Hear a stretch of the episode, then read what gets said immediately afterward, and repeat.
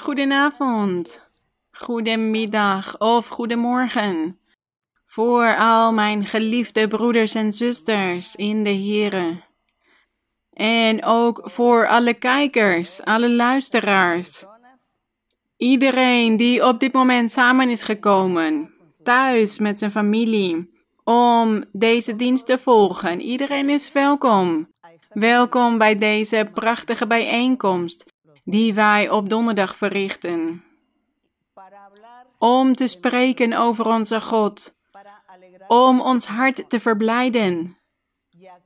Want dit zijn momenten van verzoeking, moeilijke momenten die we meemaken. En wij vragen de Heer hoe lang dit nog moet duren, al deze dingen. Maar onze God zorgt ervoor dat wij gelukkig kunnen blijven leven en Hij troost ons. Hij verblijdt ons. En Hij luistert naar onze gebeden, naar onze smeekbeden. Hij luistert hiernaar. Hij is heel aandachtig. Hij kijkt naar ons leven. Want wij hebben deze levende God in geest en waarheid. Hij is bij ons. En Hij is zo dicht bij ons. Hij is zo dicht bij jullie. En wij gaan Hem overdenken vandaag. En we gaan geloven en op Hem vertrouwen dat Hij aan onze zijde staat. Dat Hij aan onze rechterzijde staat en naar ons kijkt en ons aanhoort en ons wellicht onderzoekt. Dus ik nodig jullie uit ook vandaag om het woord van de Heer te blijven overdenken. En zoals ik aan het begin vertelde, wij zingen tot onze Heer met ons hart. En vaak, als wij in onze samenkomst bijeen zijn en als wij de tijd aan God wijden, om tot Hem te zingen, lofliederen en koren tot Hem te zingen, dan komt de Heilige Geest over ons.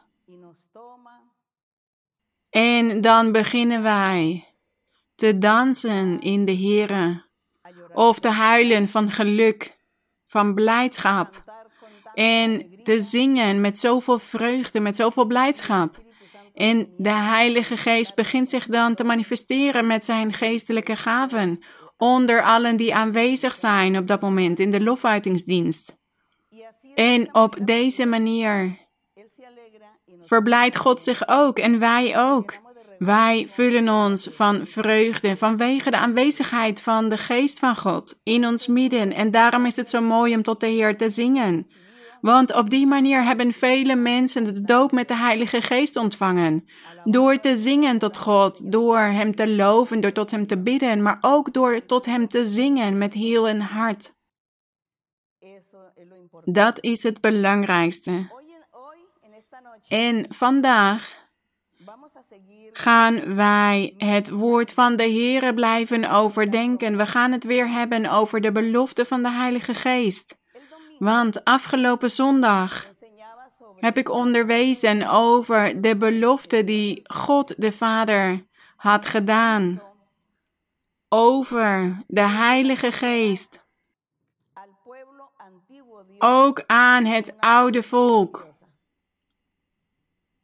God had hen een prachtige belofte gedaan en hij zei dat in de toekomst, dat in de laatste dagen hij de Heilige Geest zou sturen. Naar zijn volk, naar zijn kerk, naar zijn samenkomst. Dit was die belofte van oude tijden af. Hij had dit Mozes beloofd. En hij heeft ook door middel van de profeten deze belofte gedaan. En door middel van de psalmen. En ik herhaal, de Heer zei dus voor die laatste dagen, op die laatste dagen of in de toekomst. En dit was vele jaren later. Toen God deze belofte had gedaan aan Mozes, zijn er vele jaren voorbij moeten gaan. Eeuwen ook nadat hij de belofte door middel van zijn profeten had gedaan. Eeuwen zijn voorbij gegaan totdat de Heer zijn woord had vervuld. Dat hij de Heilige Geest zou sturen en dat hij zou wonen in het hart van een man en een vrouw die hem zoekt. In al die harten die naar hem zoeken. En dat de Heer ook bij die personen zou zijn, rondom die mensen heen.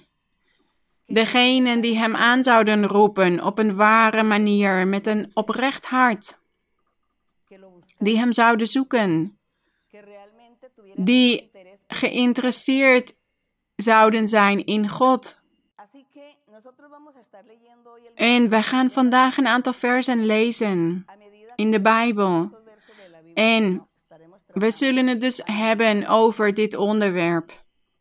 En we zullen dit analyseren, zodat wij zien dat die belofte die God eeuwen of jaren geleden heeft gedaan over de Heilige Geest, dat wij die belofte vandaag de dag vervuld hebben zien worden. En nadat we hierover in de Bijbel hebben gelezen, zal ik jullie ook meer vertellen over de ervaringen die wij zelf meemaken in de kerk. Dus laten we allemaal zitten en laten we de Bijbel openen in het Evangelie volgens Matthäus, hoofdstuk 28. Laten we de Bijbel openen in Matthäus, hoofdstuk 28. Vers 19 en 20 gaan we lezen. Afgelopen zondag heb ik gelezen in het boek van de profeet Joël. En Joël had geprofeteerd 700 jaar voor Christus, voordat de Heer Jezus Christus geboren zou worden. En God had gesproken door middel van Joël over de Heilige Geest die hij zou sturen. En na 700 jaar is de Heer toen gekomen op de aarde in Juda en Jeruzalem, de hoofdstad van Juda, in het gebied van Israël. En de Heer Jezus begon wonderen te verrichten en tekenen. En hij begon te verkondigen en hij zei: Bekeer u zich, want het koninkrijk is dichtbij gekomen, het koninkrijk der hemelen. En de Heer begon de geloofsleer te onderwijzen en hij citeerde de schriften, de Bijbel. Hij zei altijd, zoals het geschreven staat over mij in de profeten en in de psalmen. En hier in Matthäus, hoofdstuk 28, vers 19, hier zegt de Heer Jezus, Hij was al opgestaan uit de dood op dit moment. En hij was verschenen aan ongeveer 500 mensen en ook aan zijn apostelen. En hij gaf hen een aantal bevelen voordat hij naar de hemel zou opvaren.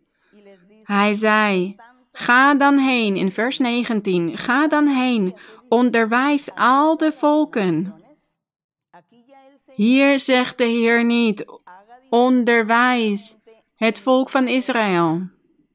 Of Juda, de mensen in Juda. Hij zei hier: onderwijs al de volken, al de landen. Hen dopend in de naam van de Vader en van de Zoon en van de Heilige Geest. Hier was de Heer aan het onderwijzen dat God zich op drie manieren aan het openbaren was. Op drie verschillende manieren. Hij werkte of hij manifesteerde zich als Vader, als Zoon en als Heilige Geest. Maar het is één God. We hebben het over één en dezelfde God.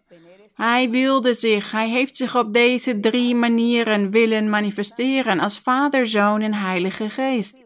En dit is niet onmogelijk voor God. Hij kan doen wat hij wil. Hij kan zich gedragen zoals hij wil.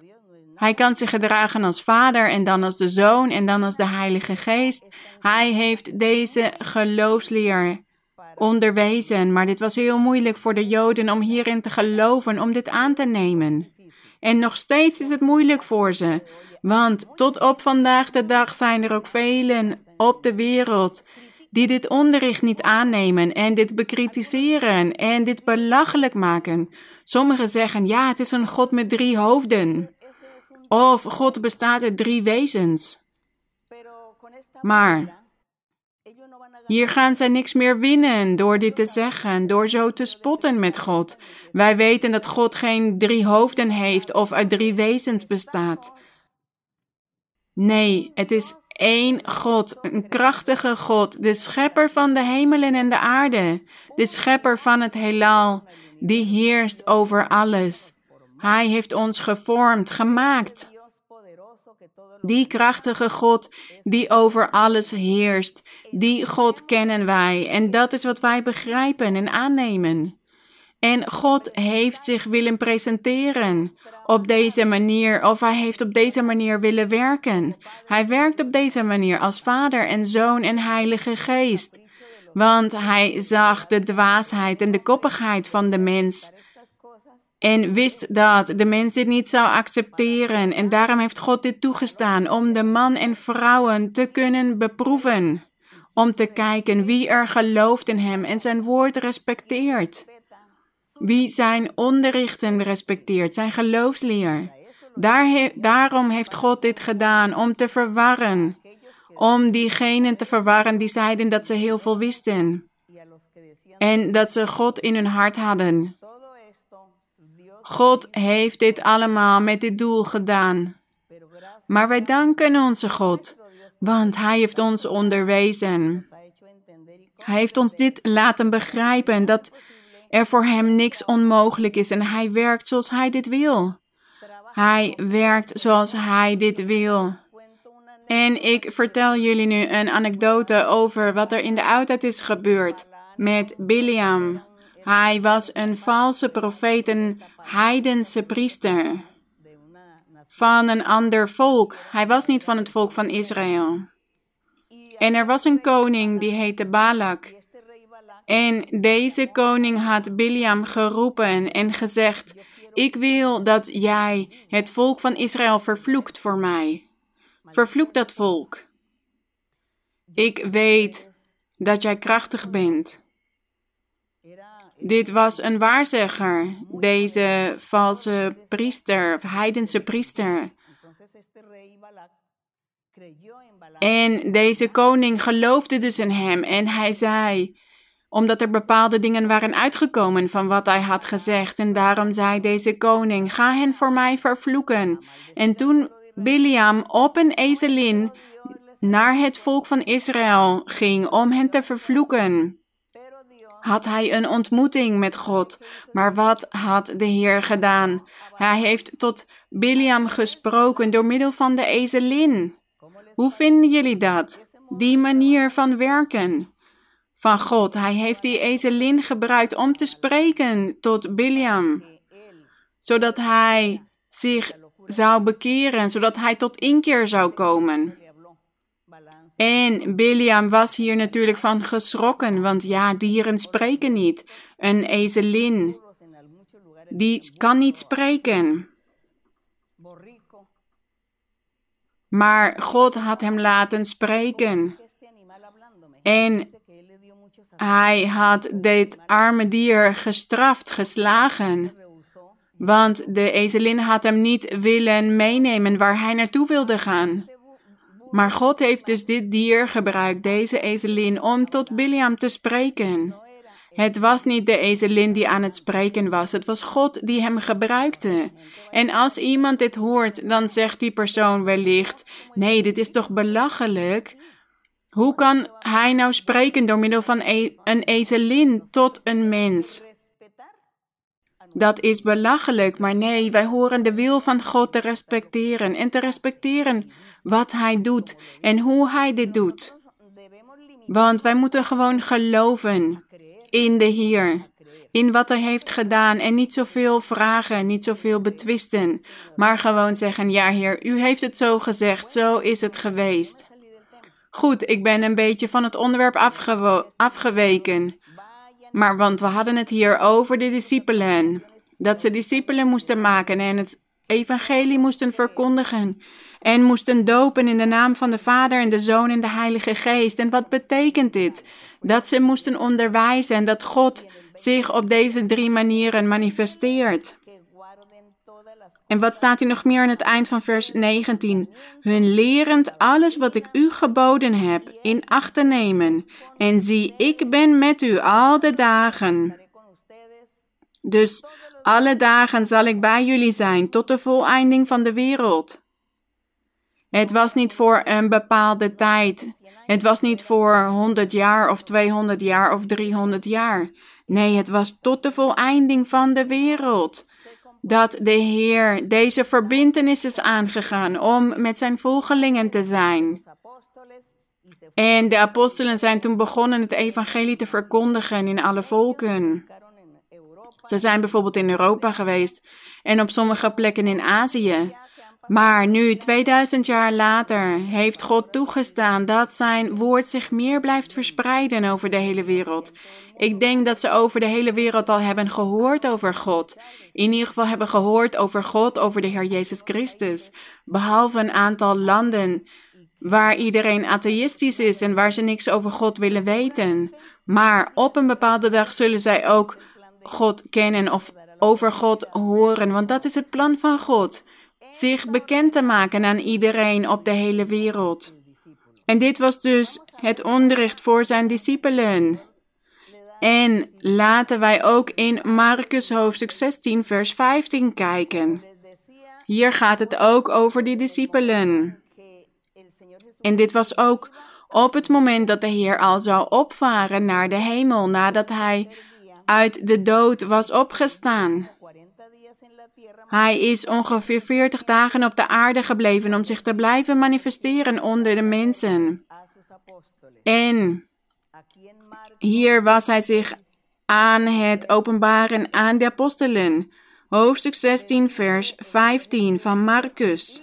En hij zei tegen hen: Ga heen in heel de wereld. Predik het evangelie aan alle schepselen.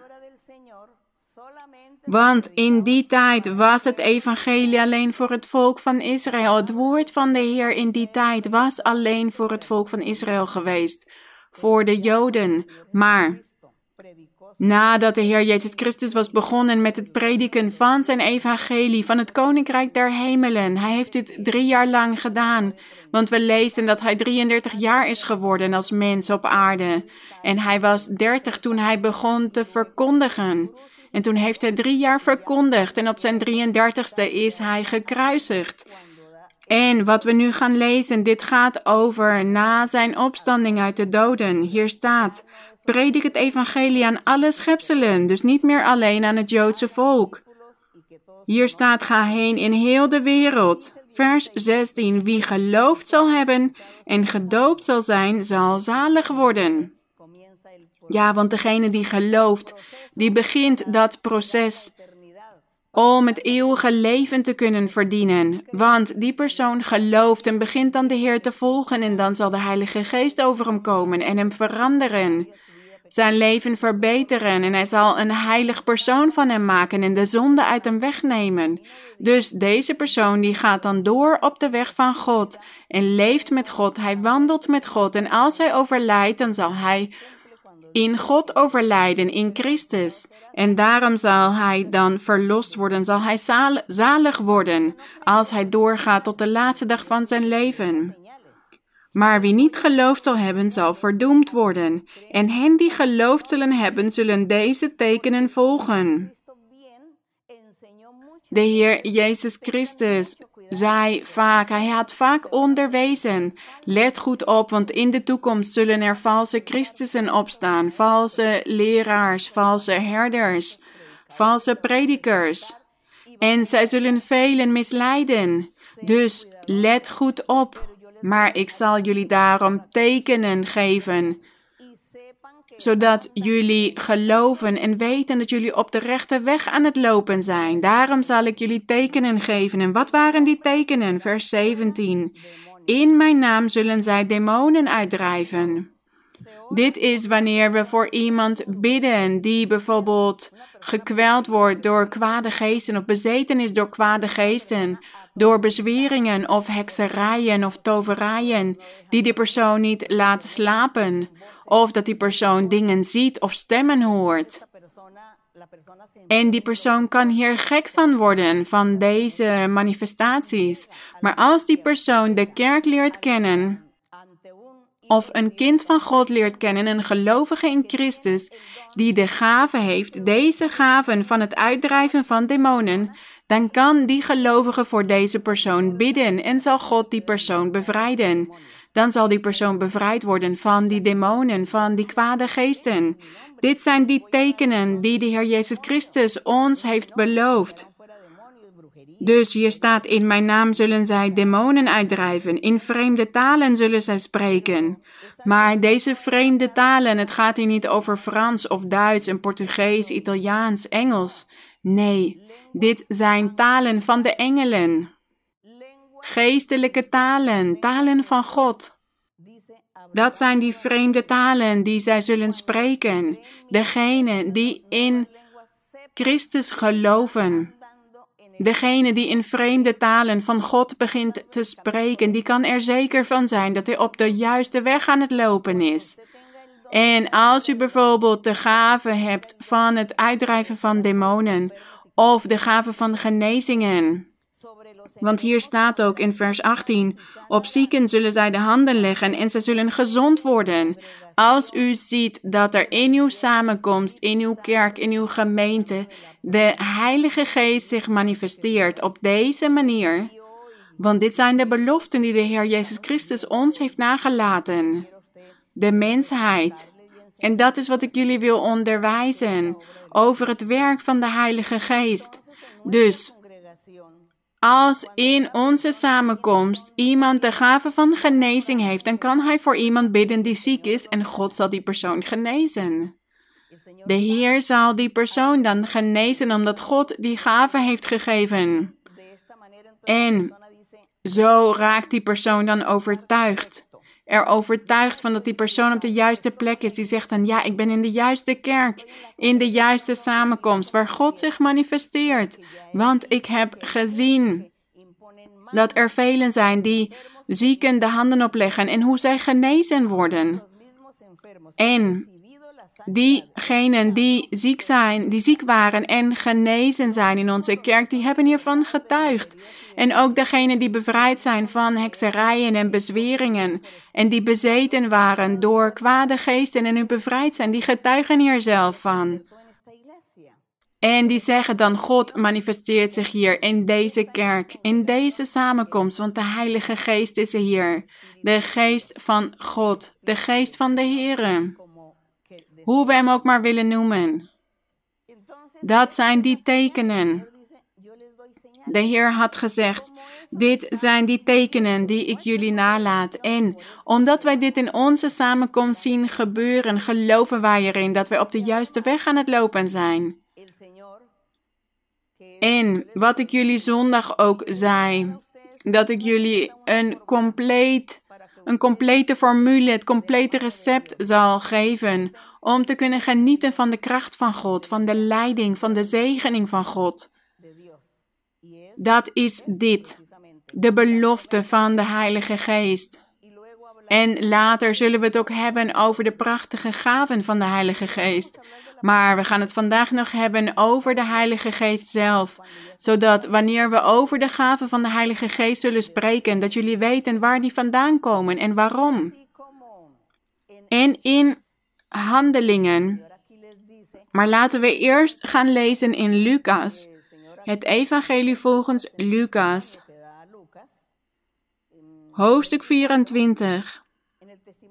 Deze getuigenis geeft Lucas over het bevel wat de Heer hen had opgedragen.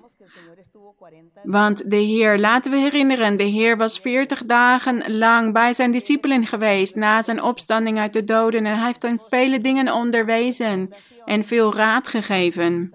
In die dagen. En in Lucas 24, vers 44 tot en met 49 staat. En hij zei tegen hen: Dit zijn de woorden die ik tot u sprak toen ik nog bij u was. Dit zegt de Heer Jezus tegen zijn discipelen: Dat alles vervuld moest worden wat over mij geschreven staat in de wet van Mozes en in de profeten en in de psalmen. Dus hier staat dat Mozes en de profeten en de psalmen hebben gesproken over onze Heer Jezus Christus. Die vertellen ons over het leven van Christus en over zijn wonderen en ook over zijn dood en zijn opstanding uit de doden. En dat hij die volmaakte koning was die God naar de, hemel zo, naar de aarde zou sturen om te regeren. Dat is wat Mozes en de profeten en de psalmen hebben gezegd en daarom moeten we de Bijbel lezen. En daarom zegt hij hier, alles moest vervuld worden wat over mij geschreven staat. En hier staat vers 45, toen opende hij hun verstand, zodat zij de schriften begrepen. En hij zei tegen hen, zo staat er geschreven, en zo moest de Christus lijden en uit de doden opstaan op de derde dag. En in zijn naam moet onder alle volken bekering en vergeving van zonden gepredikt worden. Onder alle volken.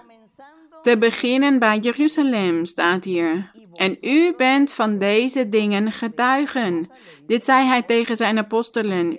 Jullie zijn getuigen van al deze dingen. Van alles wat ik heb gedaan toen ik bij jullie was. Deze drie jaar. Dus jullie mogen niet meer twijfelen. Vers 49. En zie, ik zend de belofte van mijn vader op u.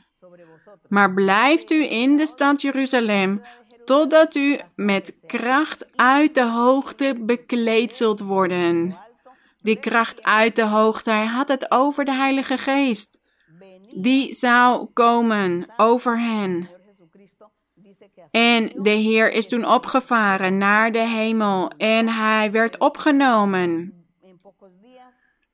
door een wolk en daarna zou de Heilige Geest komen, want dat was de belofte van de Heilige Geest. Dat de Heilige Geest bij degenen zou zijn die in de Heer zouden geloven.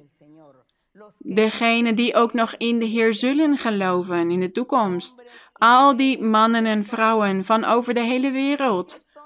Zij zullen allemaal, zullen allemaal genieten van de Heilige Geest. En daarom gaan we lezen in Handelingen. Het boek Handelingen van de Apostelen. Hoofdstuk 1. De Handelingen van de Apostelen. Hier in dit boek staat in vers 4, hoofdstuk 1. En toen hij met hen samen was, dus toen hij samen was met zijn apostelen en met die mensen in Jeruzalem. Toen hij met hen samen was, de Heer Jezus Christus, beval hij hun dat zij niet uit Jeruzalem weg zouden gaan, maar de belofte van de Vader zouden verwachten, die u, zei hij, van mij gehoord hebt. En wat was die belofte van de Vader? De belofte van de Heilige Geest. Want Johannes doopte wel met water, maar u zult met de Heilige Geest gedoopt worden. Niet lang na deze dagen. Dat was de belofte van de Vader, van de Heer Jezus Christus over de Heilige Geest. Dat zij niet uit Jeruzalem weg moesten gaan totdat de Heilige Geest over hen zou komen en hen zou dopen en hen zou vervullen, want dat was de belofte die de Vader, God de Vader had gedaan van oude tijden af.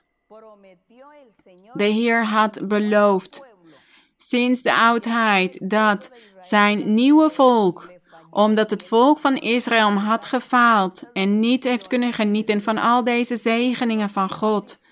Zij hebben niet kunnen genieten van de belofte van de Heilige Geest. En daarom had God beloofd dat in de toekomst, na de Heer Jezus Christus, dat de Heilige Geest zou komen en dat Hij zou wonen bij en in het hart van die mannen en vrouwen die in het ware evangelie van Christus Jezus zouden geloven. En de Heer bevestigt het hier. Hij zegt: Wacht, vertrek niet uit Jeruzalem voordat Hij komt.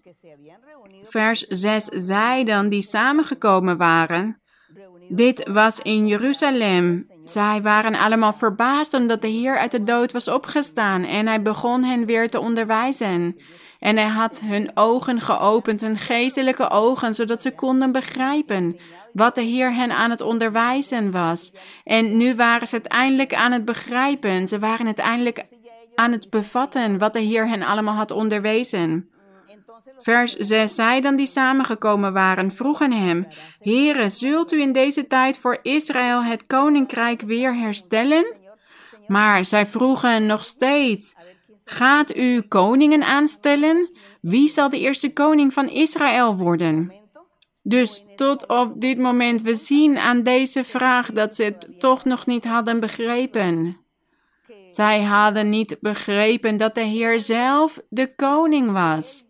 Dat hij al aan het regeren was en dat zijn koninkrijk niet fysiek was, niet materieel van deze wereld, maar een geestelijk hemels koninkrijk. Dus we zien hier aan deze vraag dat ze het toch nog niet hadden begrepen. De Heer had hen dus het verstand nog niet geopend. Maar hij blijft hier hen onderwijzen en zegt: Hij zei tegen hen, toen zij hem deze vraag hadden gesteld, zei hij: Het komt u niet toe de tijden of gelegenheden te weten die de Vader in zijn eigen macht gesteld heeft. Dus hij heeft hen geen antwoord willen geven. Want de Heer zag dat zij nog niet begrepen wat ze nou eigenlijk aan het vragen waren.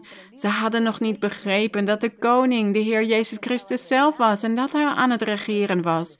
En dat zijn koninkrijk hemels was. En daarom heeft hij hen niet geantwoord. Maar in vers 8 zei hij: Maar u zult de kracht van de Heilige Geest ontvangen, die over u komen zal.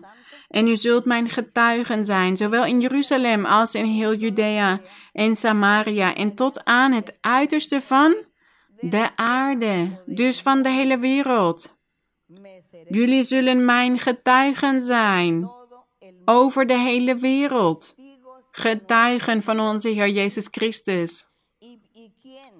En wie onderwijst ons? Wie overtuigt ons ervan dat de Heer Jezus Christus onze koning is en dat Hij de Zoon van God is en God zelf? De Heilige Geest. De Heilige Geest die Hij heeft gestuurd. Want de Heer had gezegd: Wacht in Jeruzalem, want jullie zullen bekleed worden met de kracht uit de hoogte. Dus vertrek niet uit Jeruzalem. En Hij gaf hen nog meer raadgevingen in vers 9. En daarna werd Hij opgenomen. En een wolk ontrok Hem aan hun ogen. En er waren velen in die tijd die zich tot Hem hadden bekeerd. En we lezen verderop dat er een aantal samengekomen waren, dat ze elke dag samenkwamen. Mannen en vrouwen, 120 mannen en vrouwen, dat ze God aan het loven waren. En Maria was ook onder hen, de moeder van de Heer. En zij waren op deze belofte van de Heilige Geest aan het wachten, zoals de Heer tegen hen had gezegd. En ja, laten we lezen hier in hoofdstuk 2 van Handelingen. Hoofdstuk 2. Hier zullen we zien dat dit vervuld werd, want er gingen dagen voorbij en hier staat: Toen de dag van het Pinksterfeest vervuld werd, waren zij allen eensgezind bijeen. Dit was op de dag van het Pinksterfeest. Dit was een feest van het Joodse volk. Het Pinksterfeest. En de Heer heeft die dag van het Pinksterfeest, van het feest van de Joden, gebruikt om de Heilige Geest neer te laten dalen. Om te dopen met de Heilige Geest al die gelovigen in Christus Jezus, die in een bovenzaal waren samengekomen, 120 mensen. Nadat de Heer duizenden het evangelie had verkondigd, waren er slechts 120 mensen samen in de bovenzaal om tot God te bidden en op die Heilige Geest te wachten. En die kwam op de dag van het Pinksterfeest, op die dag van het feest van de Joden. Is de Heilige Geest neergedaald. En daarom zijn er gemeenten die zeggen: Ah, jullie zijn een evangelische gemeente of een Pinkstergemeente. Maar dit zeggen zij vanwege dat God de dag van het Pinksterfeest had gebruikt om de Heilige Geest te geven en de geestelijke gaven. Want hier staat in vers 2: En plotseling kwam er uit de hemel een geluid als van een geweldige windvlaag, en dat vervulde heel het huis waar zij zaten. En aan hen werden tongen als van vuur gezien, die zich verdeelden, en het zat op ieder van hen. Dus zij zagen deze visioenen, zij zagen een visioen. Ze waren aan het bidden en de Heilige Geest kwam over hen met het geluid als van een geweldige windvlaag. En dat heel het huis werd vervuld. En we lezen ook dat er een aardbeving plaatsvond op dat moment. En toen zagen zij een visioen, waarin zij tongen als van vuur zagen, die zich verdeelden en op ieder van hen gingen zitten. Vers 4: En zij werden allen vervuld met de Heilige Geest en begonnen te spreken in andere talen, zoals de Geest hun gaf uit te spreken. We zien hier de vervulling van de belofte. De belofte van onze God die Hij van oude tijden af had gedaan. En ook de vervulling van de belofte van, die de Heer Jezus Christus had gedaan aan zijn discipelen, aan zijn apostelen. Hij zei, ik moet gaan, maar ik zal jullie niet als wezen achterlaten. Ik zal de trooster naar jullie sturen en die zal tot in eeuwigheid bij jullie zijn. Dus de Heer heeft dit vervuld. Want de Heer had ook gezegd: Degenen die mij navolgen, die zullen in andere talen spreken. En degenen die in mij geloven, die zullen hun handen opleggen. En ik zal de zieken genezen en ik zal die demonen uitdrijven. Dat zijn die tekenen waarover we gelezen hebben. En zo kunnen wij geloven en ervan overtuigd zijn dat wij op de juiste weg lopen. En dat Christus Jezus, de Zoon van God, onze koning is, onze verlosser, onze zaligmaker. En er is geen ander. Daarvoor zijn deze tekenen. Want mensen moeten iets kunnen zien om te kunnen geloven. En dat is wat de Heer had beloofd. Degenen die mij volgen, die zullen deze ervaringen, deze tekenen zien. Dus toen deze apostelen, deze mensen, die 120 mensen die samen waren gekomen in die bovenzaal, hoe konden ze nou niet geloven na deze tekenen zelf te hebben gezien, dit zelf te hebben meegemaakt?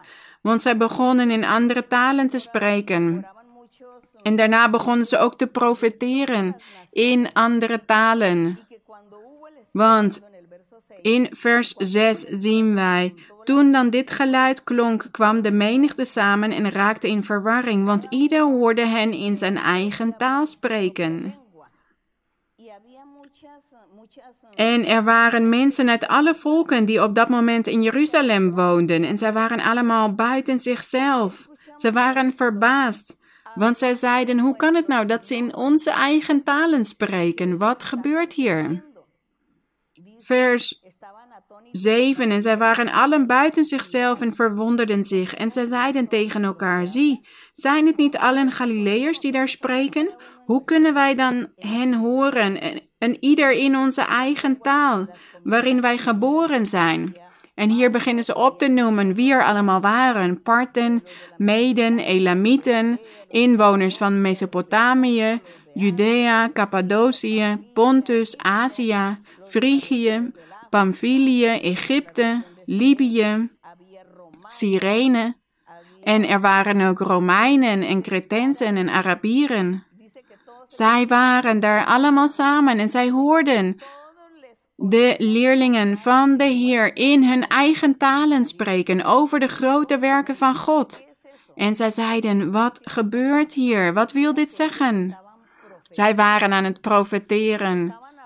Zij waren in al deze talen aan het spreken, de talen van deze mensen. En zij profeteerden tot hen wat God tegen hen wilde zeggen. Om hen ervan te overtuigen dat dit een manifestatie van God was. En dat ze tot inkeer zouden komen, dat ze zich zouden bekeren tot het evangelie. Want het evangelie was hier op dit moment pas net begonnen te bloeien onder de mensheid. En hier staat dat ze allemaal buiten zichzelf waren en raakten in verlegenheid. En ze wisten niet wat dit allemaal wilde zeggen. Maar dit was de, de vervulling van de belofte van onze God. En ik herhaal, broeders, zodat jullie dit in jullie hart graveren en zodat jullie op een bepaalde dag ook anderen kunnen onderwijzen. De belofte die God had gedaan van oude tijden af door middel van Mozes en de profeten en de psalmen. Hij had gesproken over de Heer Jezus Christus en ook over de komst van de Heilige Geest. En toen de Heer Jezus Christus zelf op de aarde was en aan het verkondigen was, zei hij: Ik zal gaan, maar ik zal jullie niet alleen laten. Ik zal de Heilige Geest naar jullie sturen. Die zal bij jullie zijn tot in alle eeuwigheid. Hij zal hier bij jullie op de aarde blijven. Tot wanneer? Tot de voleinding van deze wereld. Dus totdat de Heer zal komen voor zijn kerk in de wolken. Wanneer de Heer zal komen voor zijn kerk in de wolken, dan zal zijn kerk opvaren om de Heer te ontmoeten in de wolken. En de Heilige Geest zal dan met de kerk, met de gelovigen meegaan. Die zal ook opvaren. Met al die mannen en vrouwen die zich hebben bekeerd tot God en zich zullen bekeren. We weten niet hoeveel tijd God nog geeft aan de mensheid om zich te bekeren tot Hem. Maar hoe lang dit ook zal zijn of hoe kort dit zal zijn, tot op die dag, totdat de Heer Jezus Christus zal komen op de wolken voor zijn kerk, dan zal de Heilige Geest ook opvaren naar de hemel. Dus tot op die dag zal de Heilige Geest hier op de aarde zijn.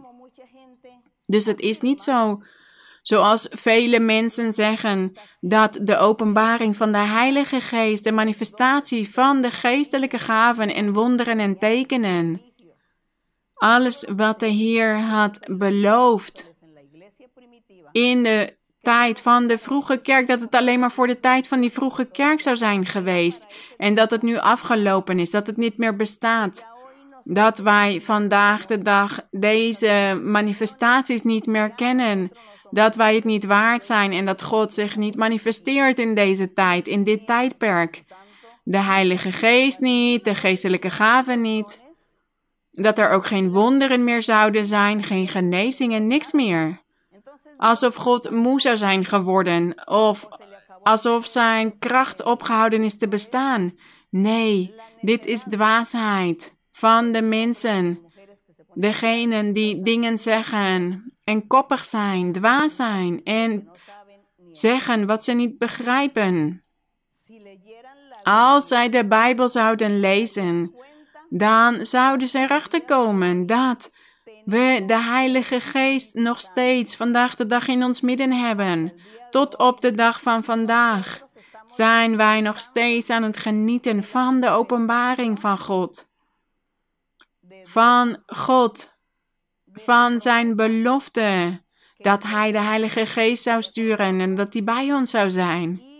En wij zijn aan het genieten van het spreken in andere talen, in vreemde talen. Dus dit is geen Engels of Frans of Italiaans.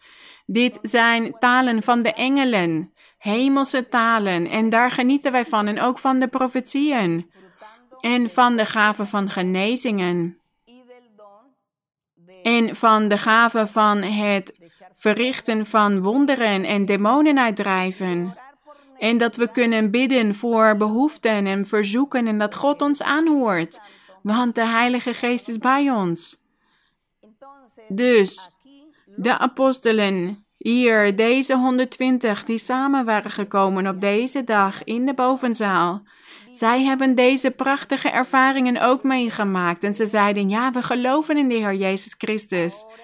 Nu heb ik er spijt van dat ik Hem niet heb geëerd dat ik mij niet heb vernederd voor Hem toen Hij hier in ons midden was als mens op aarde.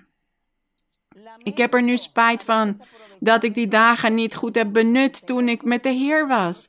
Dit zeiden de apostelen toen ze het eindelijk begrepen. Maar ze zeiden, ja, de Heilige Geest is nu bij ons. En we zijn nu bekleed met de kracht uit de hoogte. En nu kunnen wij vertrekken om het evangelie te verkondigen buiten Jeruzalem, buiten Israël. Laten we naar alle landen gaan, naar iedereen die ons, naar ons wil luisteren. En hier in Handelingen hoofdstuk 19 vinden we een prachtig getuigenis.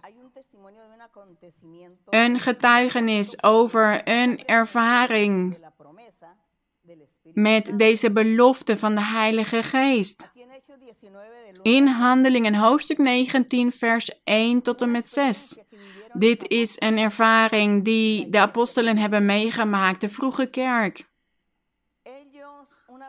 Toen zij bekleed waren met de kracht uit de hoogte, zijn zij vertrokken om te verkondigen en wonderen te verrichten. En God gebruikte hen om wonderen te verrichten en tekenen te laten zien en te profeteren. Maar de profetie is niet zoals wat mensen vandaag de dag zeggen, dat het hetzelfde is als een preek geven. Dus dat een man op een podium gaat staan of een preekstoel en dat wat hij zegt, dat dat profetie is. Nee, nee, profetie is woorden van, zijn woorden van God.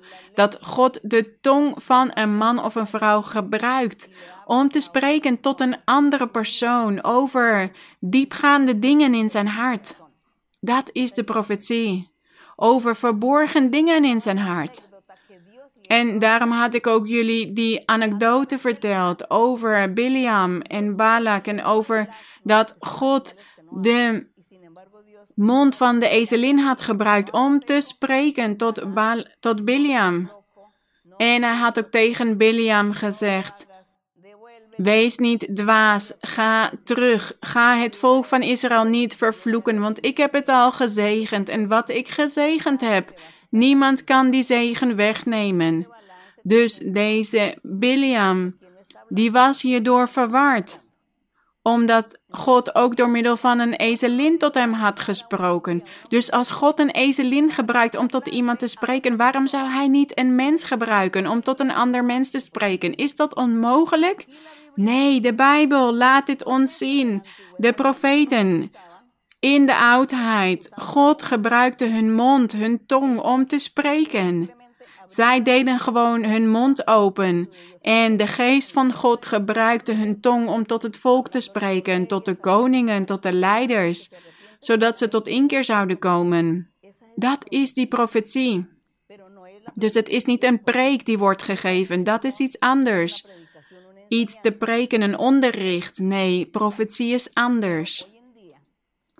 Maar vandaag de dag zijn er vijanden van God en die willen zich niet onderschikken aan het ware woord van God. En die rechtvaardigen zichzelf, die verzinnen veel dingen en zeggen nee, dit bestaat niet meer vandaag de dag. Omdat de Heilige Geest zich niet manifesteert in hun gemeente of in hun kerk, omdat ze dit zelf niet meemaken, dat ze de gaaf van profetie hebben of in andere talen van de engelen spreken. Daarom zeggen ze dat het niet bestaat. Maar het bestaat wel. En ik geef jullie nu die formule, dat recept om deze ervaringen ook mee te maken. En zodat jullie dit niet meer zeggen, dat het niet bestaat. Want jullie zullen er zelf van overtuigd raken dat God wel bestaat en zijn Heilige Geest wel bestaat en dat God spreekt, want God is een ware God en hij leeft. En daarom spreekt hij tot ons. Hij is krachtig en hij gebruikt ons zodat wij voor andere mensen kunnen bidden en hen de handen kunnen opleggen en dat ze genezen worden of bevrijd. Maar dit is niet vanwege menselijke krachten of de wijsheid van de mensen. Nee, dit is de Heilige Geest. De belofte die de Heer had gedaan. Dat Hij bij ons zou zijn en ons zou gebruiken. Dit is de kracht van God. En God spreekt door middel van profetie. Want God zou heel gemakkelijk tot een persoon kunnen spreken dat hij gewoon een stem hoort en zegt: Ja, dit is de stem van God. Maar dan weet die persoon het niet zeker. Die zegt, ja, ik hoorde een stem, maar ik weet het niet zeker. Nee, God die spreekt niet tot de mensen en dat ze gewoon een stem ergens uit het niks horen. Nee, God die gebruikt mensen. Hij vervult mensen van zijn Heilige Geest en die gaan dan tot de andere mensen spreken. God gebruikt dan die mensen als instrumenten voor hem. Dat is wat God zo heeft bepaald. En dat vinden we hier terug in de Bijbel. In al deze getuigenissen, al deze bewijzen, waardoor wij niet meer kunnen twijfelen. We lezen hier bijvoorbeeld in Handelingen hoofdstuk 19, vers 1. Hier staat het gebeurde. Ik ga dit lezen als een getuigenis van wat de apostelen in die tijd hebben meegemaakt, want zij hadden de Heilige Geest al ontvangen. En hier staat, en het gebeurde terwijl Apollos in Korinthe was, dat Paulus, die de hoger gelegen delen van het land doorgetrokken was, in Efeze kwam. Hij trof daar enige discipelen aan discipelen, gelovigen in Christus Jezus, en zei tegen hen: Hebt u de Heilige Geest ontvangen toen u tot geloof kwam? En zij zeiden tegen hem: Wij hebben niet eens gehoord dat er een Heilige Geest is. Hoe vinden jullie dat? Zo gebeurt dit vandaag de dag ook. Als wij zeggen, ja, God spreekt, dan zeggen ze, God spreekt, wat een dwaasheid. Dat is gek. U bent gek geworden, jij bent gek geworden. God kan niet spreken. Dat is een leugen. En hier zeiden ze ook: We hebben niet eens gehoord dat er een Heilige Geest is. Vers 3. En hij zei tegen hen: Paulus zei tegen hen: Waarmee bent u dan gedoopt? En zij zeiden: Met de doop van Johannes. Maar Paulus zei: Johannes doopte wel een doop van bekering, maar hij zei ook tegen het volk dat zij moesten geloven in hem die na hem kwam, dat is in Christus Jezus. En nadat zij dat gehoord hadden, werden zij gedoopt in de naam van de Heere Jezus. En nadat Paulus hun de handen opgelegd had, hier staat het, nadat Paulus hun de handen opgelegd had, kwam de Heilige Geest op hen. En zij spraken in vreemde talen en profeteerden.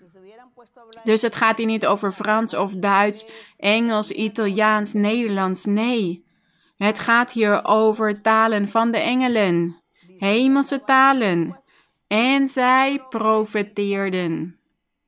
Dit is iets anders dan een onderricht geven of een preek geven. En hier staat: De Heilige Geest kwam op hen en zij spraken in vreemde talen en profeteerden. Het waren bij elkaar ongeveer twaalf mannen. Dus zij hebben ook deze prachtige belofte beleefd. Dit waren mensen die zich hadden bekeerd dankzij de verkondiging van Johannes de Doper. En toen Paulus hen ontmoette, vroeg hij hen: Hebben jullie ook de Heilige Geest al ontvangen? En zij zeiden: Nee, wij weten niet eens dat de Heilige Geest bestaat. En zo gebeurt dit vandaag de dag ook als wij zeggen: God spreekt. Dan beginnen mensen kwaad te spreken over ons en God te lasteren en te zeggen: nee, dat is een leugen, God spreekt niet. Nee, zeg dit liever niet. Zwijg beter en ga naar de kerk om het zelf mee te maken. Maak zelf die ervaring mee.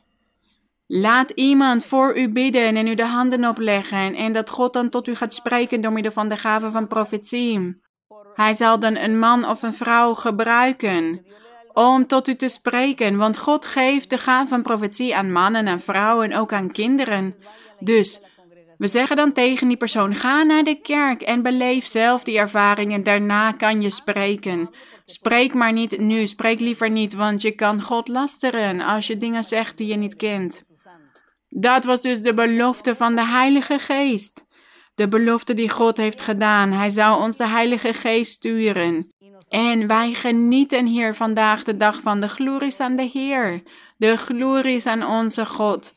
Wij danken onze God. Wij genieten van de belofte van de Heilige Geest. Want in onze samenkomst, in onze kerk, de meerderheid spreekt al in talen van de engelen. En velen van ons, wij hebben de gave van profetie ontvangen. Of de gave van genezing om voor zieken te kunnen bidden. Anderen hebben de gave van demonen uitdrijven. Of hekserijen uitdrijven. Anderen hebben onderscheidingsvermogen of dromen of visioenen. En zo, dit is wat wij meemaken in onze samenkomst, in onze kerk. En wij zijn op weg naar de volmaaktheid, zodat God ons meer geeft van zijn aanwezigheid, van zijn geest. Mogen Hij ons meer geven van Zijn manifestaties, van Zijn openbaringen. Daar zijn wij naar aan het zoeken. Wij zijn op deze weg van verandering, van vooruitgang, van geestelijke verbetering. We hebben nog niet alles. Alles wat we hier lezen, dat God biedt, waar we in de Bijbel over lezen, we hebben nog niet alles, maar we zijn hier aan het zoeken en we verwachten nog vele dingen die God zal doen in zijn kinderen, door middel van zijn kinderen. En daarom zijn we God aan het zoeken en wij zeggen tot God, God, wat moet ik nog meer doen, zodat u mij ook gebruikt op deze manier. Dus ik nodig jullie allemaal uit om de Bijbel te lezen. Als jullie naar onze kerk willen komen, wanneer deze moeilijke dagen ophouden, dit virus ophoudt te bestaan, deze plaag, deze besmettelijke ziekte die nu over de hele wereld is verspreid. Wanneer dit voorbij is en onze kerk weer open kan gaan, dan nodig ik jullie uit om naar de kerk toe te komen en hier zelf van te genieten, zodat jullie zelf overtuigd raken van wat wij hier in de Bijbel hebben gelezen. En ik twijfel dus niet meer aan de Bijbel, want wat ik hier lees, dit maken wij mee in onze samenkomst. We hebben dit zelf ook meegemaakt en daarom geloven wij erin dat God leeft en dat Hij geest is en waarheid. Daarom nodig ik jullie uit om naar de kerk te komen zodra dit kan en zelf die ervaring mee te maken. En nadat jullie de ervaring hebben meegemaakt, kunnen jullie jullie eigen beslissingen nemen. Als jullie zegeningen van God willen ontvangen, dan zullen jullie doorgaan op de weg van de Heer. Maar als jullie dit niet willen, dan zullen jullie wellicht zeggen: Ja, in die kerk is God, maar ik wil mijn leven blijven leven. Blijven leiden zoals ik dit nu heb gedaan in zonde in de wereld. Hoewel ik weet dat God zich daar manifesteert. Dat zullen jullie dan vast zeggen als jullie niet meer terug willen komen, want niemand zal jullie daartoe verplichten. Maar de uitnodiging staat dus voor jullie. En laten we nu gaan bidden tot onze God. Ik weet dat er bij mensen thuis, nu iedereen thuis als het ware opgesloten zit. Er zijn families, gezinnen waar er mensen zijn die drugsverslaafden zijn. En er zijn dus vele conflicten ontstaan, veel problemen in de gezinnen. Want deze personen die drugsverslaafden zijn, sommigen worden agressief en anderen willen hun leven beëindigen of doen hun familieleden kwaad met wie zij samenwonen. Dat hebben ze mij geschreven. Velen hebben mij geschreven dat ze moeilijke momenten aan het beleven zijn in hun gezin, in hun huis. En er zijn ook velen die ziek zijn en lijden onder hekserijen, bezweringen, toverijen, dat ze niet kunnen slapen en dat ze dingen zien en stemmen horen. Dit zijn allemaal manifestaties van kwade geesten die hen kwellen, om die persoon gek te maken en om ook de rest van zijn familie te kwellen degene die bij die persoon wonen. Dus laten we gaan bidden tot God om, om barmhartigheid te vragen. Vanwege al deze problemen en conflicten. En er zijn ook vele echtgenoten die bijvoorbeeld drugsverslaafden zijn, of kinderen die drugsverslaafden zijn. Of anderen zijn criminelen en die gaan de straat op om kwaad te doen. En er zijn ook vele conflicten onder man en vrouw, echtgenoot en echtgenoten, en dat er velen willen scheiden. Er zijn dus veel problemen, niet alleen in het economische vanwege deze crisis, maar velen vertellen mij over andere soorten problemen. Dus laten we gaan bidden en laten wij onze Heer om barmhartigheid vragen. Laten wij Hem vragen om naar ons allemaal om te kijken naar het kwaad dat wij wellicht meemaken in ons leven, zodat de Heer zal handelen om te bevrijden, om te genezen, om vrede te geven. Laten wij gaan bidden. En ook degenen die ziek zijn, want er zijn ook velen die ziek zijn, in het ziekenhuis liggen of thuis. Niet alleen maar ziek vanwege dit virus, maar er zijn ook vele andere ziekten, ongeneeslijke ziekten. En die mensen liggen in het ziekenhuis. En ze voelen zich nu alleen, verlaten. En ze vragen ons om voor hen te bidden. Dus laten wij met één hart, eensgezind gaan bidden tot onze Heer. En nadat we hebben gebeden, gaan we ook een koor zingen tot de Heer. Koor 25. Ik leef, mijn Heer, omdat u leeft. Maar eerst gaan we bidden tot onze God. Vertrouw op onze God. Stel uw vertrouwen op onze God. Vergeet niet dat God aan uw rechterzijde is. En dat Hij u aanhoort. En dat God barmhartig is. Laten we gaan bidden. Gezegende God en Vader van onze Heer Jezus Christus. Wij danken u en wij eren u. Wij geven u de glorie en de lofuiting. Van u is het koninkrijk en de heerlijkheid en de majesteit. Tot u zal elk mens komen om zich te vernederen in uw aanwezigheid, want u bent dit waard, mijn Heer. Want iedereen zal uw weg leren kennen. Iedereen zal uw bestaan erkennen. En iedereen zal moeten respecteren en waarderen dat u een God bent die bestaat. En dat u leeft, dat u geen legende bent, geen mythe, dat u een werkelijkheid bent. Maak u zich bekend. Maakt u zich bekend, mijn Heer, aan vele mensen, zodat ze u gaan eren, zodat ze u gaan loven en verheerlijken. Want u bent dit waard, mijn Heer. U bent lovenswaardig. U bent het waard om vereerd te worden, mijn Heer, en verheerlijkt. En we danken u, mijn Heer. Wij danken u voor uw bestaan, mijn Heer. Wij danken u voor uw openbaring, want u maakt zich bekend aan ons. Wij zijn u aan het leren kennen. Door middel van de Bijbel zijn we u aan het leren kennen. En we hebben al deze prachtige ervaringen met u meegemaakt, deze tekenen en bewijzen die u in de Bijbel heeft opgeschreven en die u werkelijkheid maakt in ons leven om te geloven in uw bestaan, in uw weg, in uw waarheid. We danken u hiervoor, mijn God, eeuwige God. Wij loven u en wij geven de glorie en de eer en de lofuiting, mijn Heer.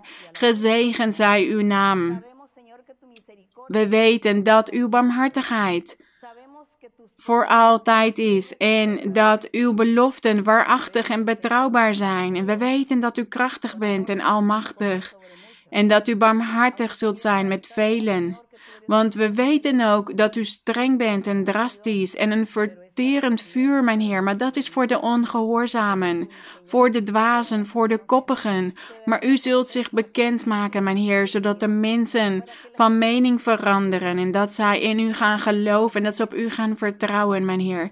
Dat ze u gaan zoeken. Gezegende God, mijn Vader, in de heerlijke naam van uw Zoon, onze Heer Jezus Christus, vraag ik, u uit, vraag ik u om uw krachtige hand uit te strekken over elke man, elke vrouw, over elk kind, elke oudere die verschillende problemen meemaken op dit moment. En er zijn vele conflicten in de familie, onbegrip, meningsverschillen. En er is veel drugsverslaving en diefstal en verkrachtingen en ontvoeringen. Zoveel kwade dingen die er gebeuren. En op dit moment dat iedereen thuis opgesloten zit, zijn er zoveel problemen thuis in de gezinnen. En de duivel is iedereen tegen elkaar aan het opzetten, mijn Heer. Heilige Vader, door uw barmhartigheid, mijn Heer, strek uw krachtige hand uit en bescherm hen. Sta niet toe dat de duivel hen vernietigt, mijn Heer. Neem alle ketens weg. Breek de ketens, mijn Heer, en bevrijd. En neem bezweringen en toverijen weg, mijn Heer. Neem vervloekingen van de duivel weg.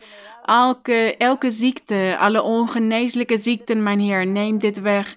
Strek uw hand uit en leg uw hand op op degenen die in het ziekenhuis liggen of thuis ziek zijn. Reinig hen en geef vrede en rust, want er zijn velen die hun leven willen beëindigen omdat ze geen rust vinden, geen vreugde, geen geluk en ze zijn depressief geworden. Strek uw hand uit, mijn Heer, want u doet wonderen. U bent dezelfde gisteren, vandaag en tot in alle eeuwigheid. U bent een krachtige God, mijn Heer, een barmhartige God en wij vragen u dit.